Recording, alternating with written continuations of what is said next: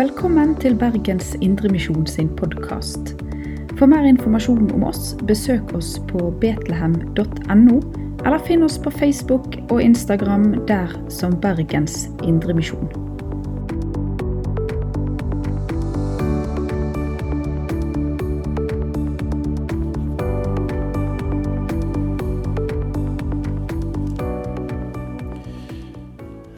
Tusen takk for den gode invitasjonen eh, til Betlehem igjen.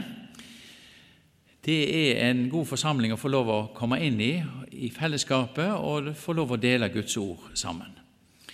Og Nå eh, skal vi ha to bibeltimer eh, under dette temaet i sjelesorg hos Jesus.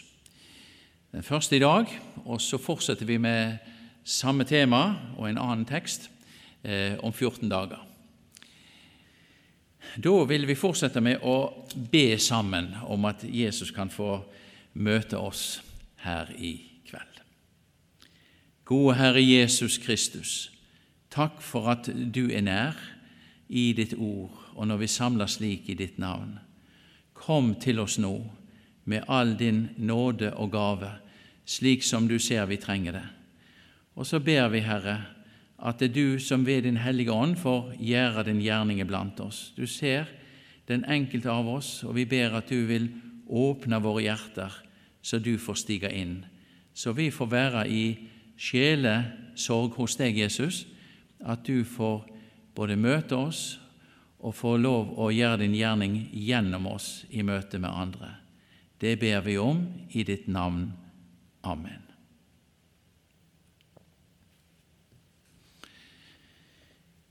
I sjelesorg hos Jesus. Det handler om Jesus i møte med mennesket i ulike livssituasjoner. Og slik som Jesus møtte ulike mennesker, nettopp slik møter han meg, både gjennom det ordet vi hører når vi hører om hvordan han møtte andre, og han møter meg her og nå og hver eneste dag akkurat på tilsvarende måte. Han møter meg der jeg er, og slik som jeg har det, med sin omsorg og med sin hjelp og med sitt nærvær. Og så er det slik at han òg møter andre mennesker gjennom meg. At han får møte dem gjennom mine øyne, gjennom mine ører, gjennom mine hender. Og Det er det det handler om. Vi skal se litt på hvordan ulike mennesker var i sjelesorg hos Jesus, og så er det han som vil møte meg gjennom dette, og møte andre mennesker gjennom det jeg er, og det jeg har fått å dele. Og Da kommer spørsmålet veldig naturlig hva er da kristen sjelesorg? Vi må stanse litt for det nå i starten. Sjelesorg det er altså ikke så trist som det høres ut for. Det er liksom Nei, sjelesorg det betyr egentlig sjeleomsorg. Det kommer av tysk selsorge, som betyr omsorg for sjelen, i betydning hele det levende mennesket.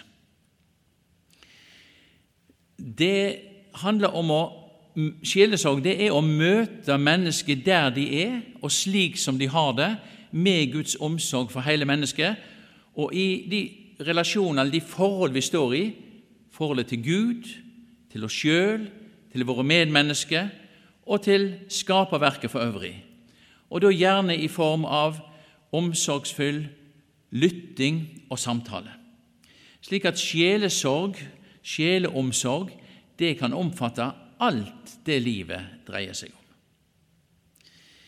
Og det har jeg eh, fått sett så mange ganger. Jeg har eh, de siste 15-20 årene så har jeg fått, hatt med tilknytning til Haraldsplass samtalesenter.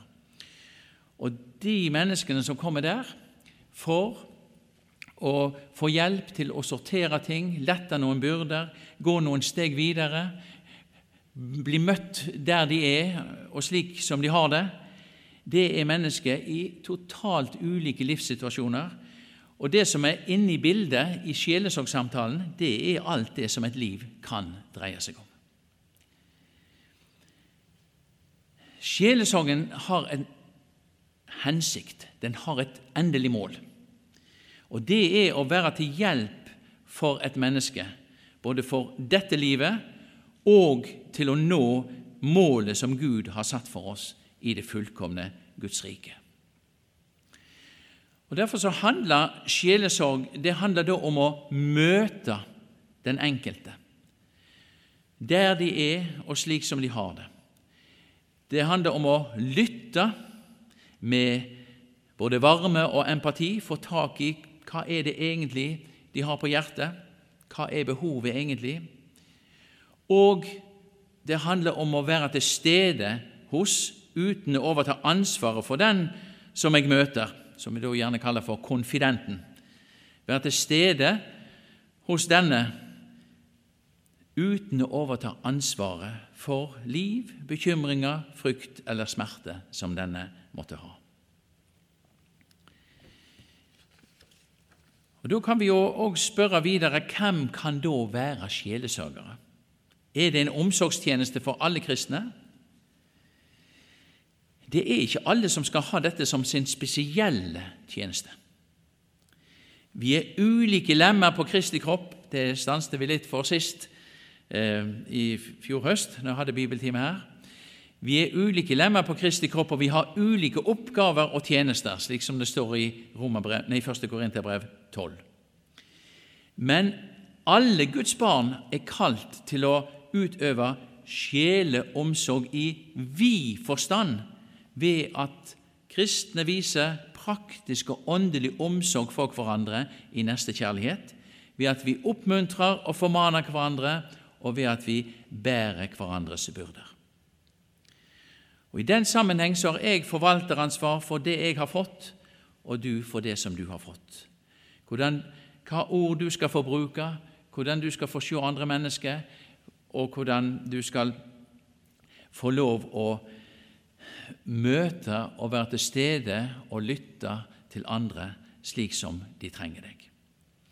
For lem, som lemmer på Kristi kropp, så er vi hverandres lemmer, står det i Romerbrevet 12.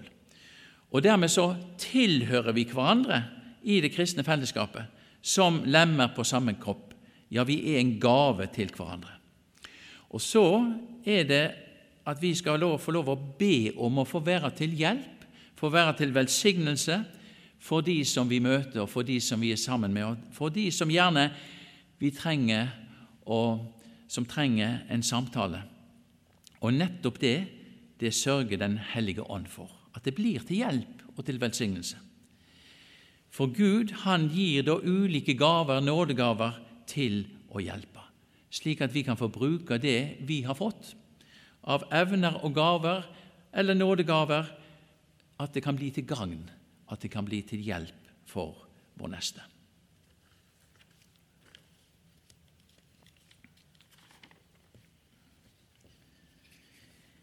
Det gode eksempelet på å møte mennesker der de er, det finner vi i Johannes evangeliet kapittel 4. Om Jesu møte med kvinna ved brønnen. Og Det blir et møte til et oppreist liv for henne. Og Nå skal vi da videre i kveld stanse nettopp for denne teksten og for dette Jesu møte med denne kvinna. For det er nettopp slik han vil møte oss, og han gjerne vil møte våre medmennesker og de vi som kommer i vår vei, gjennom oss. Og Da skal vi lese litt sammen eh, fra Johannesevangeliet kapittel 4. Vi leser da fra vers 4 til vers 18 i første omgang, i Jesu navn. Han, altså Jesus, måtte da reise gjennom Samaria. Han kom da til Sykar, han eh, kom da til en by i Samaria som heter Sykar. Den ligger i nærheten av det jordstykket Jakob ga sin sønn Josef. Der var Jakobs brønn. Jesus var trett etter vandringen og satt nå der ved brønnen. Det var omkring den sjette time. Da kommer en kvinne fra Samaria for å dra opp vann. Jesus sier til henne, Gi meg å drikke. Hans disipler var gått inn i byen for å kjøpe mat. Den samaritanske kvinnen sier til ham, Hvordan kan du som er jøde be meg, en samaritansk kvinne, om å få drikke? Jøder har nemlig ikke omgang med samaritanere. Jesus svarte og sa til henne, Kjente du Guds gave, og visste du hvem det er som sier til deg, Gi meg å drikke, så hadde du bedt ham, og han ville gi deg levende vann. Kvinnen sier til ham, Herre, du har ikke noe å dra opp vann med, og brønnen er dyp. Hvor har du da det levende vann fra? Du er da vel ikke større enn vår far Jakob, som ga oss brønnen og selv drakk av den, og likeså hans sønner og buskapen hans? Jesus svarte og sa til henne, Hver den som drikker av dette vannet, blir tørst igjen, men den som drikker av det vann jeg vil gi ham, skal aldri i evighet tørste. Men det vann jeg vil gi ham, blir i ham en kilde med vann som veller fram til evig liv. Kvinnen sier til ham, Herre, gi meg dette vannet, så jeg kan slippe å tørste og gå hit for å dra opp vann. Han sier til henne, Gå og rop på din mann, og kom så hit. Kvinnen svarte, Jeg, jeg har ingen mann. Jesus sa til henne, Med rette sa du, Jeg har ingen mann, for du har hatt fem menn, og den du har nå, er ikke din mann. Der talte du sant.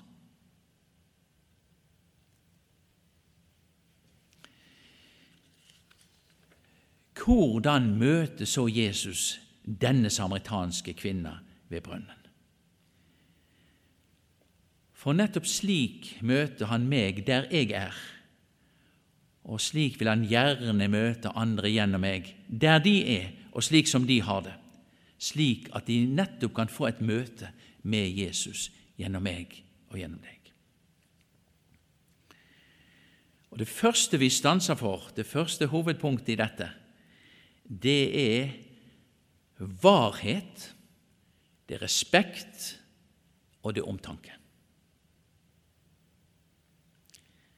Situasjonen er at Jesus er på vandring fra Judea nordover til Galilea. Og han måtte dra gjennom Samaria, står det. Han kunne tatt omveien, slik de fleste gjerne gjorde. De ville ikke, Jødene ville ikke dra gjennom Samaria. Det var et fiendskap mellom disse folkene, denne blandingsrasen. Og så er det helt tydelig at Jesus må dra dit. Han visste hvorfor, det var nødvendig, og det forstår vi etter hvert som vi hører denne fortellingen. Nettopp for at han skulle få et møte med denne kvinnen, og hun et møte med han. Og Nå har de gått langt, og Jesus er sulten, han er tørst, han er trøtt etter vandringen. Han er et sant menneske under våre kår, men uten synd, som det står. Disiplene er inne i byen for å kjøpe mat. Og dette det er i, ved den sjette time, som det står, det er altså da i tolv-ett-tida om dagen. Det er på det aller varmeste, når sola er på det høgste, og folk slapper av og tar det med ro, og det er få som gjør noe arbeid. Og da skjer det oppsiktsvekkende. Da kommer en kvinne fra Samaria mot brønnen for å dra opp vann. Det er oppsiktsvekkende, for det var ingen som samles ved brønnen for den tida. Og Det var det hun beregna, og det var det hun visste. Og Det var derfor hun kom tydeligvis på dette tidspunktet. En samles om kvelden etter at sola var gått ned, gjerne i fem-seks-tida, nettopp for å høre siste nytt, for å gjøre avtaler, for å legge til rette for litt sladder og baktalelse. Og hun har behov for ikke å bli sett, tydeligvis. Hun trenger å skjule seg. Hun bærer nok på en skam, for hun vil ikke treffe folk, hun vil ikke treffe blikkene, nedvurderingen, forakten, utestengelsen. Og så ser hun, til sin forskrekkelse, en jøde som sitter der. Det ser hun av klesdrakten, men nå var det for seint å snu. Og så sier Jesus til henne, Gi meg å drikke. Han er tørst, og hun har det vannet som hun nå nettopp har tatt opp fra brønnen, som kan bli til hjelp for han. Og hun reagerer jo på dette.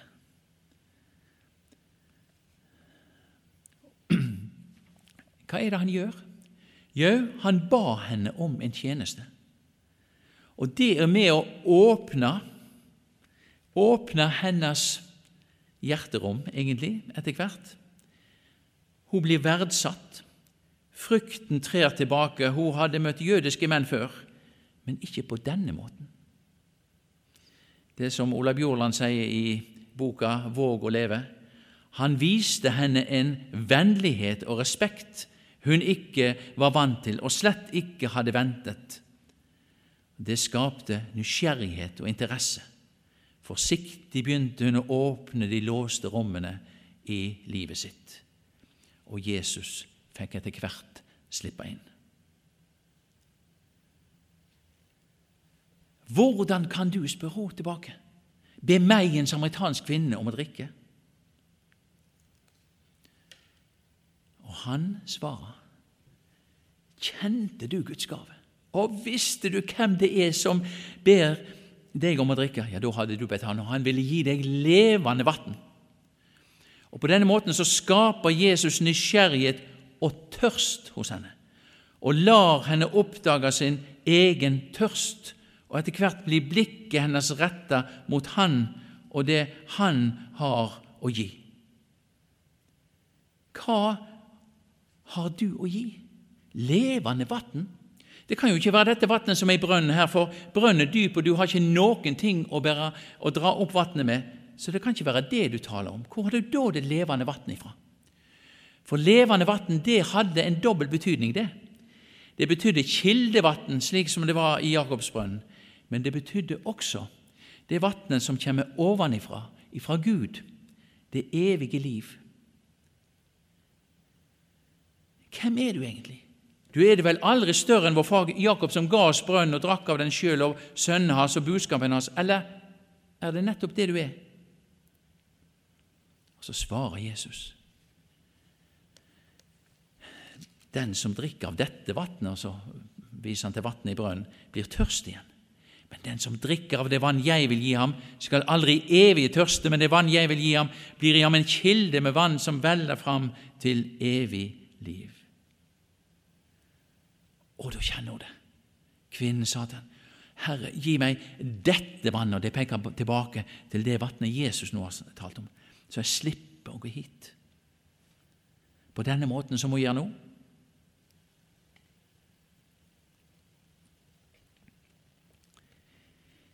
Vi legger merke til varheten hos Jesus. Det er slik han møter henne med varhet. Gjennom ordene han bruker, gjennom måten han møter henne på. Han banker på istedenfor å bryte seg inn. Det er som det står i Åpenbaringen 3.20. Se, sier Jesus til menigheten i Laudikea og til oss. Se, jeg står for døren og banker. Om noen hører min røst og, som en følge av det, åpner døren, da vil jeg gå inn til ham og holde nattverd med ham og han med meg. Han banker på, han invaderer henne ikke.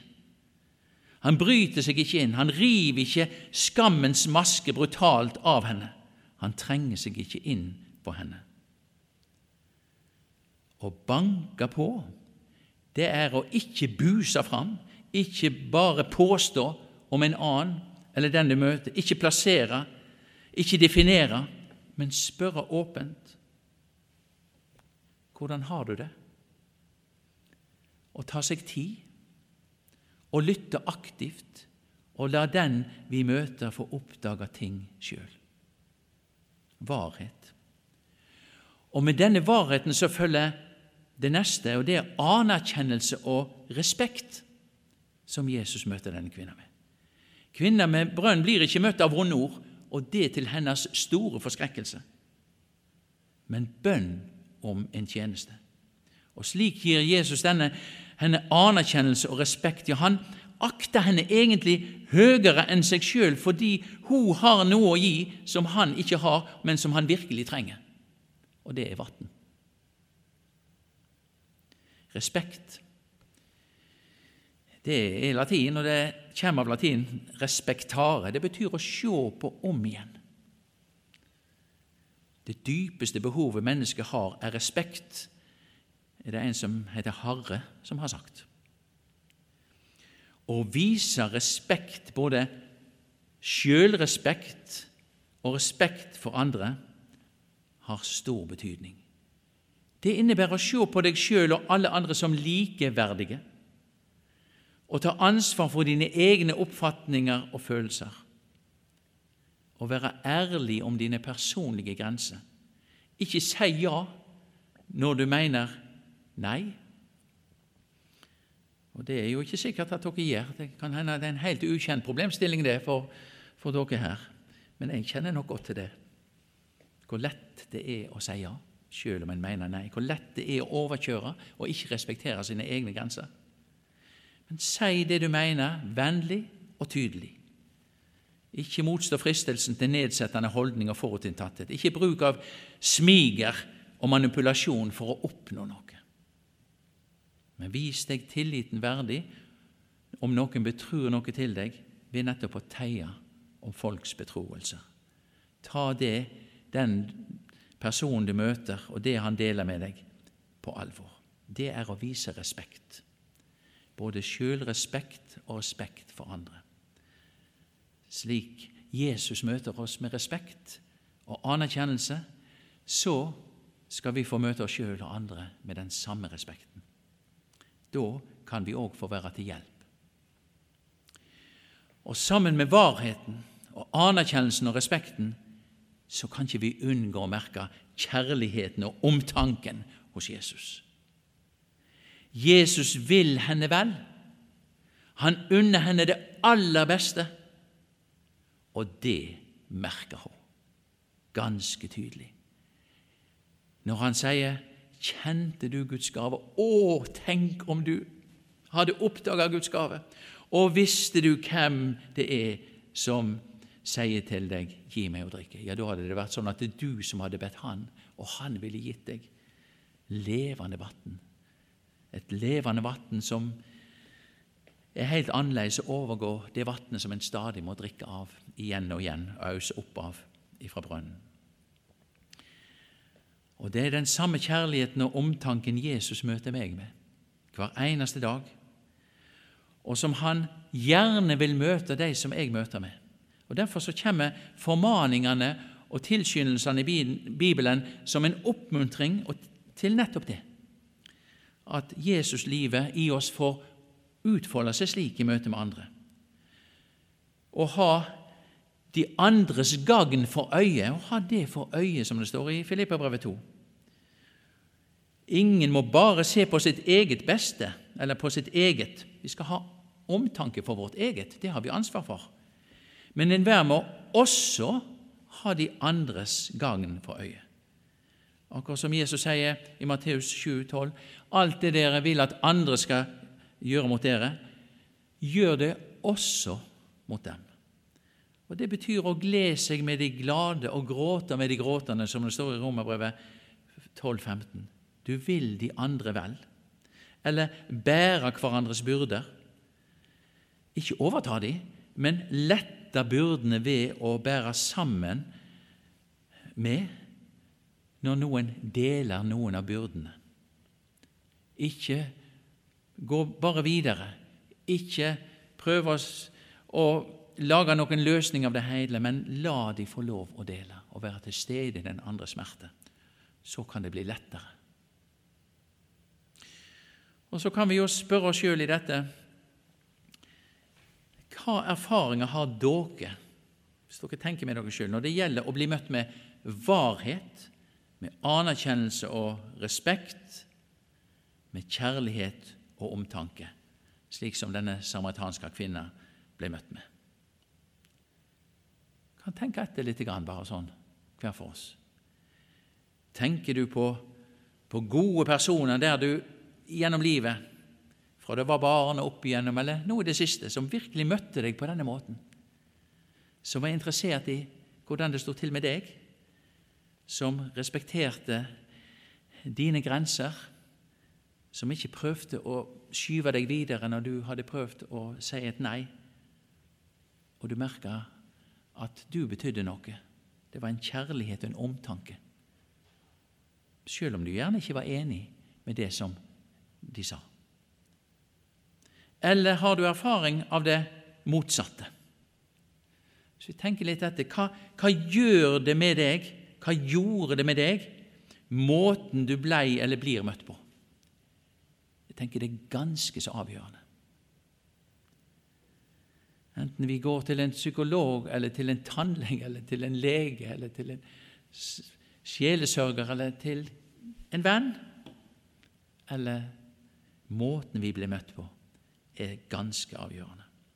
Og Det er noe av dette som, som vi har i Romerbrevet 15,7, der det nettopp står Ta imot hverandre, eller ta dere av hverandre, kan oversettes på begge måter like som Kristus har tatt imot oss, tatt imot dere, til Guds ære. Det er et ansvar vi har i forhold til hverandre, en gave ifra Gud, fordi vi er hverandres gaver, vi tilhører hverandre. Og så skal vi få lov å, i det kristne fellesskapet å få lov å ta imot hverandre ved at jeg får lov å be deg om en tjeneste. Du har noe å gi som jeg trenger ja, da skal jeg få lov å be deg om det. Akkurat som Jesus ba denne kvinnen om vann. Og da tar jeg imot deg. Og Da gir jeg deg anerkjennelse og respekt, for da har jeg bruk for det som nettopp du kan gi. Det er å Du blir av med det. Og når du da gir meg eller en annen som trenger det, det som han eller hun har bruk for, ja, så tar du imot og tar deg av den andre. Det er en gjensidighet der vi får ta imot hverandre, ta oss av hverandre, både ved at vi tar imot fra hverandre, og at vi gir. Og møter hverandre på den måten.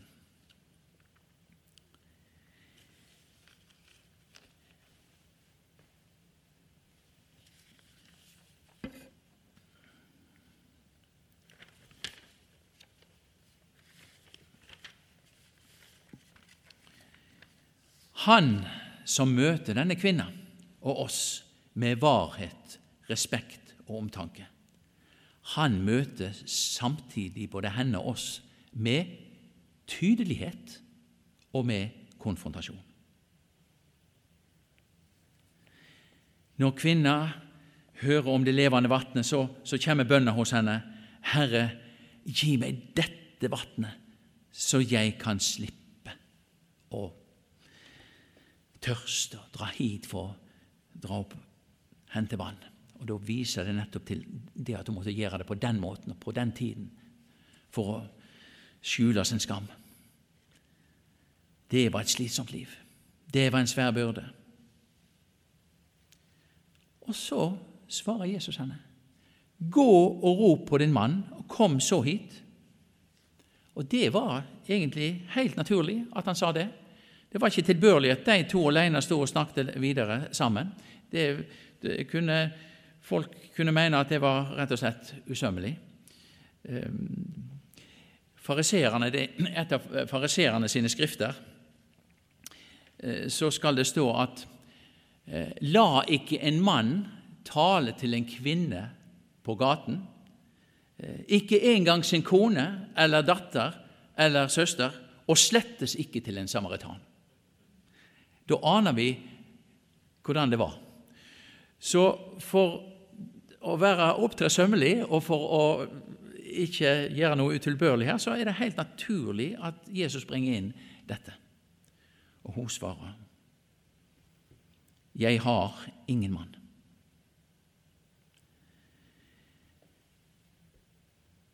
Har ingen mann? Jeg veit noe mer om deg. Hvorfor står du og lyver meg rett opp i ansiktet? Nei, det er ikke Jesus. Men han er likevel tydelig og konfronterer henne. Jesus er tydelig og konfronterer henne bekreftende ut ifra hennes eget svar, uten skampåføring som fratar henne verdi og verdighet. Hva sier han? Jo, han sier, 'Med rette, sa du, jeg har ingen mann.' For du har hatt fem menn, og den du har nå, er ikke din mann. Der talte du sant. Det som Ola Bjorland sier i, i denne boka 'Våg å leve'. Jesus hjalp henne med ordene. Det var så vanskelig for henne å sette ord på det og si rett ut at hun hadde fem forliste forhold bak seg og nå var samboer. Det er en konfrontasjon uten skampåføring. Det er den omsorgsfulle konfrontasjonen, som vil den andre vel, og som kan bli til hjelp. For han som visste alt om henne, han møter henne nettopp slik. Viser kjærligheten, åpner opp for gaven som nettopp er for syndere. Og så blir blikket henne retta på Han som er og gir henne det levende vannet til oppreisning og nytt liv. Han åpner hennes hjerte for det levende vannet nettopp ved denne måten å konfrontere henne med hennes synd, med hennes liv. Han er ikke ute etter å ta henne eller stenge henne ute, men å gi henne Guds gave, frelsens gave, oppreisning og nytt liv. Tydelighet møter Jesus oss med, og vil han gjerne at vi skal bringe videre i vårt møte med våre medmennesker. Tydelighet det betyr jeg-budskap, at jeg snakker ut fra meg sjøl. Unngå tvetydigheter og halvkvedede viser, som vi, som vi sier. Med mer eller mindre hentydninger og vage hint. Jo, det er jo slik at det, det kan godt hende at det går, men jeg vet nå ikke helt at Ja, så vet du om Ja, og hvis det gjør seg gjeldende, ja, hva skal vi Ja, egentlig så tenker jeg Nei, det er ikke råd å få tak i. Tydelighet både i forhold til meg sjøl og de jeg møter. At jeg anerkjenner mine egne følelser, mine egne reaksjoner, bevisstgjør hva jeg egentlig vil, og hva som skal bestemme mine valg. F.eks. at jeg vil ikke bli styrt i samvittighet og handling ut ifra hvordan andre reagerer på det jeg mener, og det jeg kommer fram med. Jeg vil ikke bli styrt av det at jeg ikke skal, nå for alt i verden ikke skal skuffe andre. Jeg vil ikke ta ansvaret for andres reaksjoner, men jeg skal få anerkjenne og respektere reaksjonene. Og Så spørs det om jeg skal ta vare på et godt image. Han er alltid den som sier ja. Ja, det kan bli anstrengende i lengden. Da er det bedre å få si det jeg egentlig mener, og få anerkjenne de grensene jeg har. Konfrontasjon vi tenker ofte veldig negativt av det. Egentlig betyr det, det er også latin, konfrontare. Det betyr mot panne, eller ansikt til ansikt. Face to face, som vi sier på bergensk. Og Det dreier seg om å være sannheten tro i kjærlighet. Det er en veldig stor verdi. Og det er ikke sånn sentimental konfrontasjon overdreven, bekreftende Vi kan tenke på enkelte telefonselgere som vi får. De, er langt oppe i skyene hvor de bekrefter oss, for nå skal de nå fram med en, en vare. Eller denne hjerteløse konfrontasjonen som er mitraljøse, som bare fyrer løs. Det er ikke slik Jesus møter denne kvinnen. Men en balansert konfrontasjon der du er sannheten tro i kjærlighet. Og det, Da går det an å bekrefte det positive i forholdet mellom oss med den som du tar opp en sak med. Og så si tingene enkelt og klart og tydelig hva som du syns er vanskelig, og hva som nå går utover både deg og flere andre, ved at denne personen f.eks. stadig kommer for sent til komitémøter eller avtaler, eller det kan være helt andre ting. Og Så har dette pågått i lang tid, og så er det slitsomt, og så baktalen florerer. Men å møte denne personen og ta det opp, bruke en vennlig tone, bruker jeg-budskap, at jeg opplever, og for meg er det slik at når du stadig så Ja, jeg blir sint, jeg blir lei meg. Eh, det er en stor påkjenning. Hvorfor tar jeg dette opp? Jo, fordi at det gir denne personen muligheten til å gjøre noe med det. Ikke sikkert han er klar over det på samme måten, virkningene. Og det gir en mulighet til at en sammen med denne personen kanskje kan finne noen praktiske løsninger som da kan være til hjelp både for han og henne og de som det ellers har gått utover. Det har stor betydning. Og jeg tenker Vi har mye å gå på her i, i, i våre kristne fellesskap. Vi var litt inne på dette i høst òg. Altså. Hva utfordringer har, ser dere at vi har i kristen sammenheng når det gjelder tydelighet og konfrontasjon? Det går an å tenke over. For det er sånn at Hvis det hele tiden blir at vi unngår å ta opp ting med hverandre, i, nettopp i omsorg for hverandre, så blir det fort en lekkasje på en annen måte, og det fører til baktalelse, og det gjør noe med forholdet til hverandre. Og så, da mot slutten, så vil jeg nevne noe når det gjelder dette med konfrontasjonen. Så jeg har lyst til å samle deg nettopp i, i, i dette. At den omsorgsfulle konfrontasjonen, eller omsorgsfulle møtet med den andre, der vi i praksis tar imot hverandre og tar oss av hverandre, slik som Kristus har tatt seg av oss og tar imot oss, det skaper rett og slett et godt klima, det og en sunn vekst i fellesskapet. Vi som er så opptatt med klima for, for tiden. Det er òg viktig å ha et godt klima i det kristne fellesskapet. Slik at det blir trygt å være oss sjøl i forhold til hverandre. Vi vil hverandre vel. Det er vi trygge på. Det renser luften istedenfor at det hele tiden ligger noe der. Det er lettelse og befrielse når vi er sannheten tro i kjærlighet i forhold til hverandre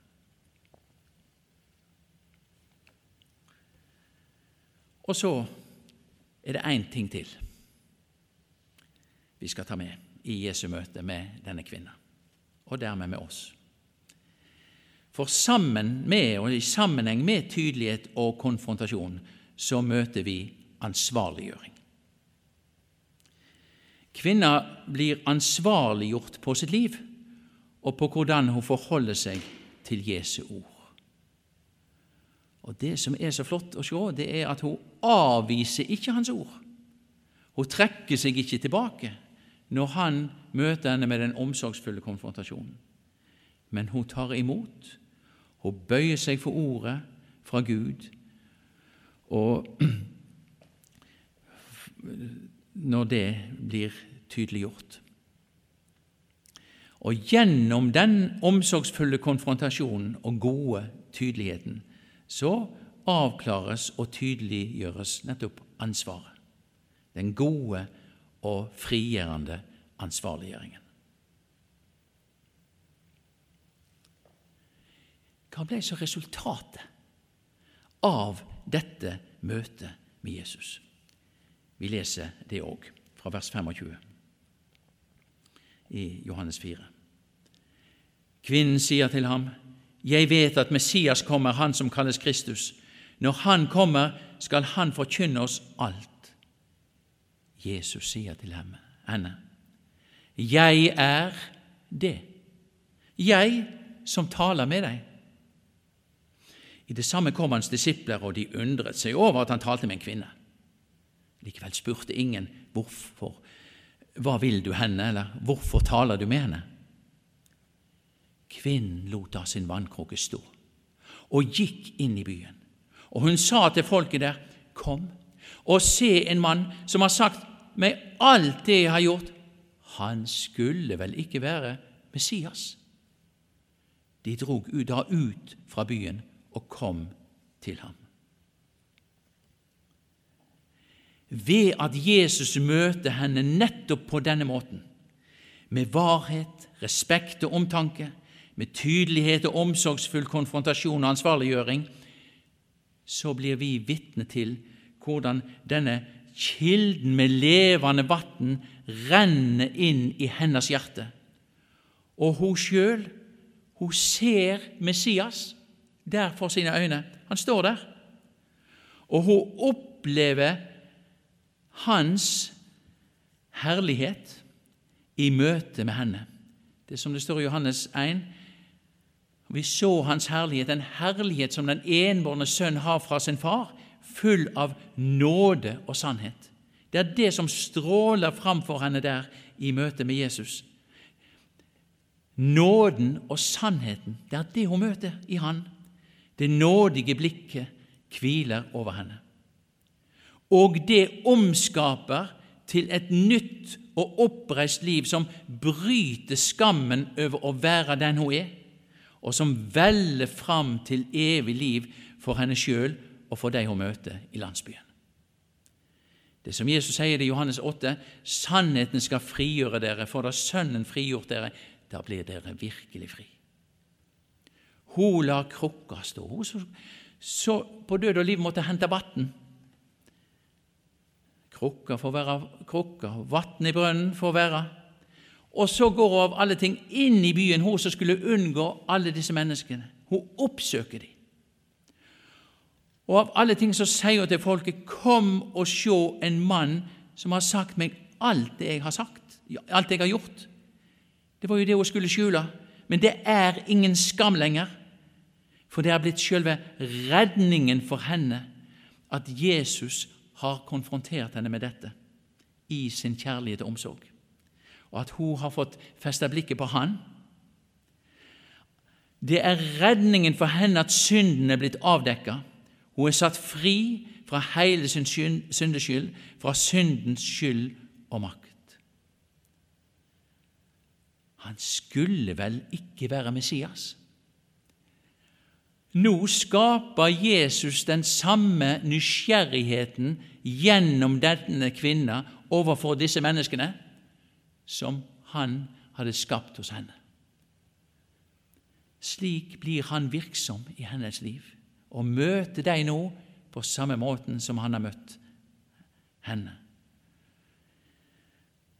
De kom til han, og det står videre mange kom til tro på, hennes, på grunn av hennes ord og ved det personlige møtet med Jesus. Vi skal ta med de versene også nå på tampen, fra vers 39. Det var mange av samaritanerne fra denne byen som trodde på Jesus på grunn av kvinnens ord da hun vitnet. Han har sagt meg alt det jeg har gjort. Da nå samaritanerne kom til ham, ba de han om å bli hos dem, og han ble der to dager. Og mange flere kom til tro på grunn av hans ord. Og de sa til kvinnen, nå tror vi ikke lenger på grunn av det du sa, for nå har vi selv hørt, og vi vet at han i sannhet er verdens frelser. Nå oppfylles det løftet som Jesus ga denne kvinnen. Den som drikker av det vann jeg vil gi ham, skal aldri evighet tørste mer, men det vann jeg vil gi ham, blir ham en kilde med vann som veller fram til evig liv. Og for å igjen sitere Olav Bjorland det ble vekkelse i syker. Tørste mennesker fikk drikke av kilden som aldri tok slutt, og det hele startet med at den hellige fra himmelen ba en synder fra Samaria om en tjeneste. Det var nøkkelen som skulle åpne de låste rommene i livet hennes. Å vise sjeleomsorg, det er å være redskap for kjærlighetens gjenskapermakt, for Jesu gode maktbruk i møte med mennesket der de er, det kan føre til et oppreist liv, til et liv under Guds nåde og nådige blikk for dette mennesket. Hans nåde og velbehag i Kristus Jesus, slik at en får se seg sjøl med dette blikket og andre mennesker med det samme nådige blikk. For Jesus sin skyld får dette skje, som et resultat av møtet med Jesus i evangeliet. Han som ble gitt for våre overtredelser og oppreist til vår rettferdiggjørelse, til vår frikjenning for Gud, som det står i Romerbrevet 4. Og derfor kan vi løfte blikket, slik vi ser det i Salme 34, 6. De så opp til ham og strålte av glede, og deres ansikt rødmet aldri av skam. Amen.